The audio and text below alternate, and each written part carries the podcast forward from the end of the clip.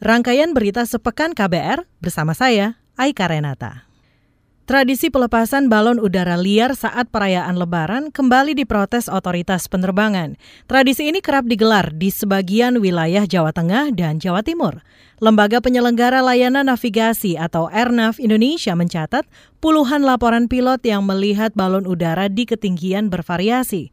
Juru bicara Airnav Yohanes Sirait menyatakan balon udara liar itu membahayakan keselamatan penerbangan yang bisa berujung kecelakaan.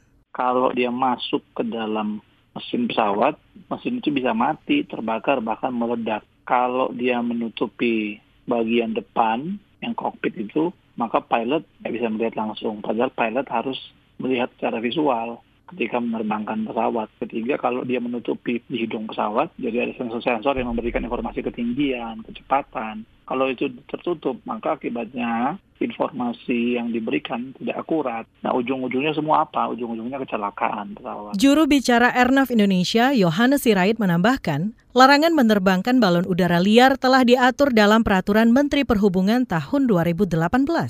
Warga diperbolehkan menerbangkan balon udara, tetapi harus diikat tali dengan ketinggian maksimum 125 meter dari atas tanah. Jika ketentuan ini dilanggar, maka pelaku bisa dikenai sanksi sesuai Undang-Undang Penerbangan, yakni pidana penjara paling lama 2 tahun dan denda 500 juta rupiah. Pemerintah Provinsi Jawa Tengah mengaku kesulitan menertibkan tradisi pelepasan balon udara liar di sejumlah daerah seperti Wonosobo, Magelang, dan Temanggung. Gubernur Jawa Tengah Ganjar Pranowo mengklaim telah melarang aktivitas itu sejak tiga tahun lalu. Namun, warga tak menggubrisnya karena menganggap pelepasan balon udara sebagai bagian dari pesta rakyat. Ganjar menyebut hal itu sama sulitnya dengan melarang warga membunyikan petasan saat lebaran atau tahun baru sebenarnya sudah sejak tiga tahun yang lalu kami bekerja sama dengan Airnav untuk memberikan penjelasan ini kepada masyarakat. Memang tidak mudah, maka aparat terendah yang bisa komunikasi dengan masyarakat seperti Kades Camat memang harus menyampaikan harus dilarang. Bahkan usul saya dulu dibuatkan saja lomba dipakai tali dengan ketinggian yang dibatasi sehingga mereka bisa uh, tetap mengekspresikan dalam bentuk balon tapi tidak bisa melampaui dari ketinggian yang mengganggu penerbangan. Gubernur Jawa Tengah Ganjar Pranowo enggan memproses pidana warga yang menerbangkan balon udara liar. Pasalnya, tindakan itu hanya akan menimbulkan masalah baru. Sementara itu, Kepala Dinas Perhubungan Jawa Tengah Satrio Hidayat menyebut telah melakukan penyitaan balon udara liar di Wonosobo. Pelakunya diharuskan melakukan wajib lapor ke Polres setempat. Sedikitnya dua orang meninggal dunia, puluhan luka, dan delapan ratusan mengungsi akibat bentrokan antara dua desa di Kabupaten Buton, Sulawesi Tenggara. Bentrokan bermula dari konvoi pada malam takbiran oleh sejumlah warga Gunung Jaya yang memicu kemarahan warga desa Sampua Balo. Juru bicara Mabes Polri, Dedi Prasetyo mengatakan, kepolisian setempat menetapkan status siaga satu personil polisi dan TNI diterjunkan untuk menjaga perbatasan. Aparat bersama tokoh masyarakat setempat berupaya meredam situasi konflik. Saat ini sudah ada tiga SK dari Brimob yang melakukan pengamanan di perbatasan kedua desa tersebut dan juga dibantu oleh dua SST dari Koren, kemudian satu SST dari Polres Bau-Bau. Dan untuk Kapolda bersama Danrem dan bupati serta tokoh masyarakat, tokoh agama setempat, tokoh pemuda setempat sudah melakukan rapat ya untuk betul-betul bersama-sama meredam situasi yang berkembang di sana. Juru bicara Mabes Polri, Dedi Prasetyo menambahkan, 800-an warga terpaksa mengungsi ke desa-desa terdekat. Banyak di antaranya yang mengalami trauma akibat kejadian itu. Kronologi kerusuhan itu bermula saat konvoi pada malam takbiran yang menyulut kemarahan warga desa Sampua Balo lantaran bunyi knalpot yang bising. Sehari kemudian, ada warga Sampua Balo yang diserang dan dilukai dengan busur panah saat melewati desa Gunung Jaya. Insiden ini dibalas warga Sampua Balo dengan menyerang desa Gunung Jaya dengan lemparan batu, bom molotov, dan pembakaran rumah. Kementerian Koordinator Bidang Politik Hukum dan Keamanan menduga kuat pelaku bom di Kartosuro, Jawa Tengah, Rofik Asyarudin, berafiliasi dengan jaringan Jemaat Ansarudaulah JAD. Analisis ini berbeda dengan Polri yang menyebut lelaki usia 22 tahun itu beraksi sendiri atau lone wolf. Staf ahli Kemenko Polhukam Sri Yunanto berpendapat aksi Rofik berkaitan dengan rangkaian peristiwa teror bom Sibolga Sumatera Utara serta penangkapan puluhan terduga teroris selama pemilu 2019. Sebagian besar para terduga teroris yang ditangkap itu adalah jaringan JAD. Kan ini kan ada rangkaian kemarin si mana si Bolga ya. Bolga ada penangkapan-penangkapan ya. Yang ini sebagian besar kalau tidak semuanya itu adalah memang jaringan CAD. Nah ini pelaku ini kan mau bunuh diri itu kan bom bunuh diri kan itu kan bisa aja retaliasi retaliasi gitu satu satu balasan apalagi yang disasar adalah pos polisi kan dan belakangan ini kan belakangan ini menjelang pemilu aja yang ditangkap sudah 60-an itu adalah polisi yang menangkap kan. Gitu. Sementara itu, polisi kesulitan menelusuri jaringan Rofik lantaran ponsel miliknya sudah dirusak. Padahal jejak digital di ponsel itu bisa memberi informasi tentang Rofik dan jaringannya. Juru bicara Mabes Polri Dedi Prasetyo mengatakan, polisi masih menelusuri akun Facebook milik Rofik dan ditemukan bukti digital saat ia membayat diri kepada ISIS. Sampai saat ini, polisi tetap pada kesimpulan bahwa Rofik beraksi sendiri atau lone wolf. Panglima TNI Hadi Cahyanto menyebut pembentukan kembali Komando Operasi Khusus Gabungan atau Kopsusgab tinggal menunggu Perpres. Hadi yakin Presiden Joko Widodo akan menekan Perpres tersebut dalam waktu dekat. Menurutnya, pembentukan pasukan itu akan mempercepat ruang gerak TNI dalam membantu Polri menangani terorisme. Ya, kalau TNI tetap membantu kepolisian ya dengan batas-batas uh, yang ada. Artinya ya. sepanjang polisi nanti ada permintaan, kita bantu. Uh, sudah siap. Ya, apalagi kan TNI sebentar lagi punya Kopsus TNI ya, ya. yang tujuannya adalah untuk uh, uh, membantu menangani tindakan kejahatan teroris. Kita nunggu lanu aja uh, ini kepres saja. Oh, ya, mudah-mudahan dalam waktu dekat. Ya. Panglima TNI Hadi Cahyanto menambahkan Kopsus GAP terdiri dari pasukan elit militer yakni Kopassus, Denjaka Angkatan Laut dan Paskas Angkatan Udara. Jumlah pasukannya tak akan terlalu banyak agar bisa bekerja efektif dan efisien dalam menjalankan operasi. Pemerintah menjamin pengaktifan kembali pasukan ini tak akan melanggar hak-hak sipil. Anggota Komisi Hukum DPR Junimart Girsang mengusulkan agar lembaganya dilibatkan dalam proses penyaringan calon hakim agung di Komisi Yudisial. Ini menyusul ditolaknya empat calon hakim agung yang diajukan KY ke DPR. Junimart mengatakan keterlibatan DPR sejak awal bisa menjadi salah satu cara membuktikan proses seleksi di KY berjalan transparan tidak ideal, pincang itu. Kita juga tidak tidak boleh asal meloloskan para para, para calon hakim agung, mbak. Kan tidak boleh. Jadi jangan kucuk-kucuk karena kaya meloloskan kita lolos nggak bisa juga begitu. Kecuali kalau dari awal, misalnya, ya ini ini menjadi masukan saya kemarin. Kalau dari awal, kaya itu melibatkan tim dari Komisi 3 dalam proses penyaringan. Hmm. Jadi kita sudah kawal dari awal, mbak, gitu loh, tanpa mencampuri, tanpa mengintervensi kinerja dari KAI. Anggota Komisi Hukum DPR Junimart Girsang menuturkan empat calon hakim agung yang disodorkan KY memiliki rekam jejak buruk dan tak berintegritas. Empat calon hakim itu adalah Ridwan Mansur, Matius Samiaji, Khalidul Azhar, dan Sartono. Tiap calon hakim terindikasi pernah melakukan pelanggaran etik di tempat tugas sebelumnya. Junimart menganggap proses seleksi di KY tak berjalan transparan. Kementerian Perhubungan mengklaim angka kecelakaan pada masa mudik dan balik lebaran tahun ini turun drastis. Jumlah kecelakaan dari H-7 hingga H plus 2 lebaran tercatat menurun lebih dari 60 persen dibanding tahun lalu. Ketua Harian Posko Angkutan Lebaran 2019 Edi Gunawan mengatakan sejumlah upaya telah dilakukan untuk menekan angka kecelakaan, salah satunya dengan memberi pemahaman sopir tentang tata cara berlalu lintas turunnya angka kecelakaan. Dari Korlantas kita dapatkan hasil pendataan mulai dari H-7 sampai dengan posisi H2 kemarin itu mengalami penurunan sekitar 62 persen, ya cukup uh, signifikan. Sebab itu uh, ini patut kita pertahankan sampai dengan uh, masa berakhirnya masa lebaran. Ketua Harian Posko Angkutan Lebaran 2019 Edi Gunawan berharap rekayasa lalu lintas saat arus balik juga dapat mengurangi angka kecelakaan. Polisi menerapkan kombinasi sistem satu jalur dan kontraflow untuk mengurangi kemacetan di tol Trans Jawa. Menteri Koordinator Perekonomian Darmin Nasution optimis pertumbuhan ekonomi Indonesia di kuartal 2 2019 mencapai 5,2 persen. Angka ini lebih tinggi ketimbang capaian kuartal pertama yang berada di angka 5,07 persen. Kata dia, peningkatan ini dipicu momen lebaran dan panen padi raya yang jatuh pada April kemarin. Panen di tahun ini bergerak ke kuartal kedua. Bulan April itu udah kuartal 2 bukan kuartal satu lagi ya kan sehingga kalau tahun lalu kuartal satu itu panen tadi panen rayanya tahun ini kuartal dua dia. Menko Perekonomian Darmin Nasution menambahkan rampungnya sejumlah proyek infrastruktur diyakini mampu mendongkrak investasi. Terlebih makroekonomi Indonesia cenderung stabil. Hal ini terlihat dari kenaikan indeks daya saing Indonesia naik 11 peringkat ke ranking 32. Selain itu, peringkat utang juga membaik setelah lembaga S&P mengubah status Indonesia menjadi triple B dengan outlook stabil.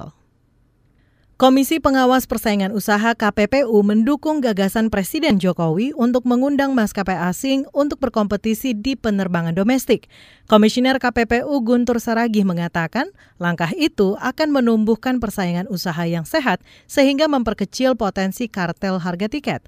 Pelaku usaha akan sulit menetapkan harga tinggi jika terjadi persaingan ketat maskapai asing ingin menciptakan atau menambahkan persaingan. Dengan adanya persaingan, maka jika ada pelaku usaha yang menetapkan harga yang eksesif, berlebihan melebihi batas harga pasar, tentunya itu akan mendapatkan perlawanan balik oleh konsumen, ya, di mana konsumen akan memilih yang tidak melakukan hal tersebut. Jadi siogianya bisa turun. Gitu. Tapi kalau adanya persaingan cukup ketat, maka pelaku usaha akan sulit menetapkan harga yang superior. Komisioner KPPU Guntur Saragih mengatakan lembaganya juga masih menyelidiki dugaan kartel harga tiket dan kargo yang melibatkan dua maskapai besar, grup Lion Air dan Garuda. Ia berjanji akan terus menelusuri kasus tersebut seperti yang dilakukan di Australia. Di negara itu, Garuda Indonesia dihukum KPPU Australia lantaran diduga merencanakan kartel kargo dengan beberapa maskapai asing. Asosiasi Pengusaha Hotel dan Restoran Indonesia PHRI mencatat tingkat hunian hotel di beberapa kota merosot hingga 30 persen. Wakil Ketua Umum PHRI Maulana Yusran mengatakan penurunan terparah terjadi di daerah Indonesia Timur. Menurutnya, libur lebaran tak mampu mendongkrak tingkat hunian lantaran terganjal mahalnya harga tiket pesawat kita dibandingkan tahun lalu dan tahun-tahun sebelumnya ini yang lebih parah, yang terparah ini di 2019 gitu. Hmm. Ya bukan timur aja, barat juga termasuk. Nah kalau Pulau Jawa mungkin terjadi penurunannya tidak sebanyak itu, mungkin sekitar 10 persen atau 20 persen. Tapi kalau yang daerah-daerah yang di luar Pulau Jawa itu justru itu yang berdampak cukup signifikan. Wakil Ketua Umum PHRI Maulana Yusran yakin penurunan tingkat hunian ini akan berlanjut jika harga tiket pesawat tak kunjung turun. Ia meminta pemerintah mengambil tindakan cepat untuk mengatasi persoalan ini. Tokoh Muhammadiyah Ahmad Syafi'i Ma'arif atau Buya Syafi'i menyerukan rekonsiliasi antara dua capres Joko Widodo dan Prabowo Subianto pasca Pilpres 2019. Buya Syafi'i mendorong pertemuan antara dua tokoh itu digelar dalam suasana lebaran. Kata dia, Jokowi dan Prabowo harus menjadi contoh bagi masyarakat. Kita mau kenal yang warin, tidak usah menunggu Idul Fitri. Sudah jelas itu KPU itu. Gitu karena sudah proses MK, tunggu aja proses itu. Bikin contoh pada masyarakat bahwa elit itu adalah orang yang memikirkan bangsa dan negara. Bahwa elit itu memikirkan politik yang beradab tunduk kepada konstitusi. Kalau tidak jangan jadi elit dong. Sebenarnya kalau elitnya berdamai ya berkonsolidasi berkonsolidasi itu semuanya kan yang lain kan menurut aja itu. Buya Syafi'i meminta kedua elit bangsa ini segera menghentikan segala upaya memecah belah masyarakat. Ia juga meminta para elit politik untuk tidak terpengaruh hasutan buruk dari pihak yang tidak bertanggung jawab. Rekonsiliasi kata Buya seyogianya dapat mengakhiri seluruh perdebatan yang selama ini menguras energi bangsa. Pertemuan diharapkan bisa membuat negara ini kembali bersatu tanpa adanya perbedaan. Kita masuk segmen laporan khas KBR. Indonesia sedianya menikmati masa bonus demografi pada 2030 mendatang, tapi bonus demografi bisa sia-sia jika penduduk usia produktifnya tak sehat. Prevalensi perokok anak masih tinggi, sementara jumlah perokok dewasa termasuk perempuan terus naik. Jurnalis KBR Sindu Darmawan menelusuri soal ini selengkapnya. Diburu tapi biar kelihatan warna. Syadza Dila membuka ransel dan mengeluarkan dua bungkus rokok mild. Diklaim rendah tar dan nikotin. Satu bungkus rokok berisi 16 batang bisa dihabiskan dalam dua hari. Lebih ringan, terus enak dia mentol gitu. Tapi konsnya adalah dia rokok putih, cepat habis, balapan sama angin.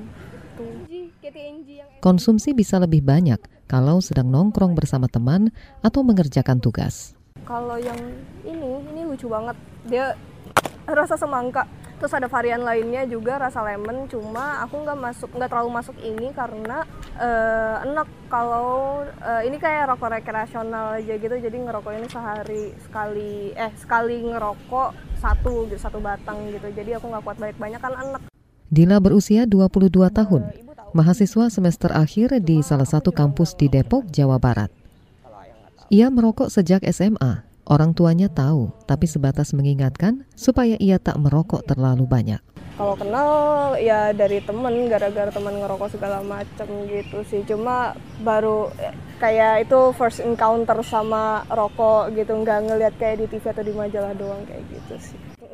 Dila paham betul resiko merokok terhadap kesehatan, tapi ia belum ingin berhenti. Gue merasa gue bisa maintain gaya hidup gue gitu loh. Tuh kan banyak orang kayak bilang rokok nggak sehat, rokok nggak sehat, tapi sendirinya kayak masih olahraga enggak, sering makan junk food kayak gitu-gitu kan. Terus kayak sering stres kayak gitu-gitu itu menurut gue ya lo sama gue nggak ada bedanya. Dila pernah juga menulis tugas kuliah soal keterlibatan perempuan dalam iklan rokok perempuan juga bakal jadi target market. Kenapa? Karena banyak perempuan yang merasa mereka butuh menjadi maskulin kan sekarang lagi zaman zamannya feminisme ya. Mereka merasa mereka butuh jadi maskulin untuk dapat setara dengan laki-laki.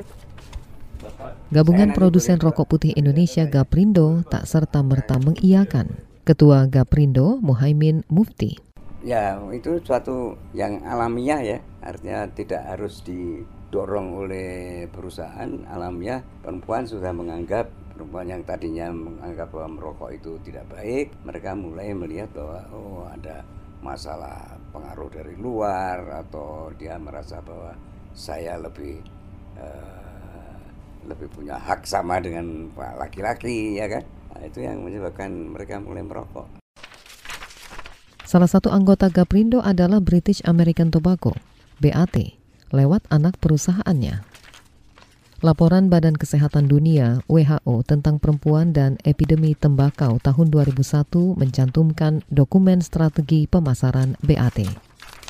Dokumen bernomor AQ1121 itu secara khusus menulis strategi mengubah sasaran dari laki-laki ke perempuan. Perokok laki-laki digambarkan loyal, tapi semakin tua, Sementara perokok perempuan adalah pasar masa depan. Jadi serius amat kesan. Apa yang dilakukan industri tercermin pada riset kesehatan dasar, Riskesdas, dari Kementerian Kesehatan. Riskesdas 2018 menunjukkan ada total 60 juta lebih perokok di Indonesia. 6 juta orang adalah perempuan usia 15 hingga 19 tahun, yaitu sebanyak 4,8 persen. Padahal di Riskesdas 2013, prosentase perokok perempuan hanya 3,1 dan di tahun 2007 hanya 1,6 persen, naik dari tahun ke tahun. Salah satu cara untuk mengurangi konsumsi adalah mempersulit akses, mulai dari menaikkan cukai rokok sampai memperketat penjualan rokok. Direktur Pencegahan dan Pengendalian Penyakit Tidak Menular Kementerian Kesehatan, Cut Putri Aryani. Wanita kodratnya kan melahirkan. Jadi ya sebaiknya untuk menghindari terjadinya kelainan pada bayinya nantinya ya hindarilah rokok itu. Karena salah satu e, penelitian sudah menunjukkan itu. Nah, akibat dari rokok juga selain ibunya tidak sehat, nanti kan juga berdampak kepada janin. Jadi ini ada korelasi kesehatan yang nanti akan ditimbulkan. Rokok membawa dampak buruk bagi kesehatan dan efeknya lebih besar untuk perempuan. Penilaian di Amerika Serikat menyebut perempuan perokok berpeluang dua kali lipat mengidap kanker paru. Sebab tubuh perempuan punya reaksi berbeda terhadap karsinogen atau zat penyebab kanker yang ada pada rokok Zat yang sudah masuk pun tak bisa keluar lewat urin. Tanpa langkah yang signifikan, maka lupakan saja cita-cita menikmati bonus demografi. Bonus dem demografi di mana generasi penerusnya generasi yang berkualitas. Nah, pada saat ini mereka sudah terpapar misalnya dengan perilaku tidak sehat, merokok dan lain itu tentu akan sangat merugikan bangsa ini nantinya ke depan. Tiga, melibatkan anak muda dan perempuan dalam perencanaan program kesehatan dan pembangunan. Bapak, jangan takut, jangan gamang. Kali ini pemerintah tidak akan lagi kami biarkan berjalan sendiri. Kami semua siap menemani bersama memperjuangkan demi pertiwi. 15 perempuan muda yang menamakan diri mereka Puan Muda bertekad membalik situasi supaya terbebas dari jeratan industri rokok. Kami tidak ingin sajak Indonesia emas 2045 hanya menjadi diksi ilmiah pemerintah saja. Demikian saga KBR yang disusun Sindu Darmawan. Saya Malika, terima kasih sudah mendengarkan. Informasi tadi menutup rangkaian berita sepekan KBR. Saya Aika Renata pamit, selamat berakhir pekan, salam. Informasi tadi menutup rangkaian berita sepekan KBR. Saya Aika Renata pamit, selamat berakhir pekan, salam.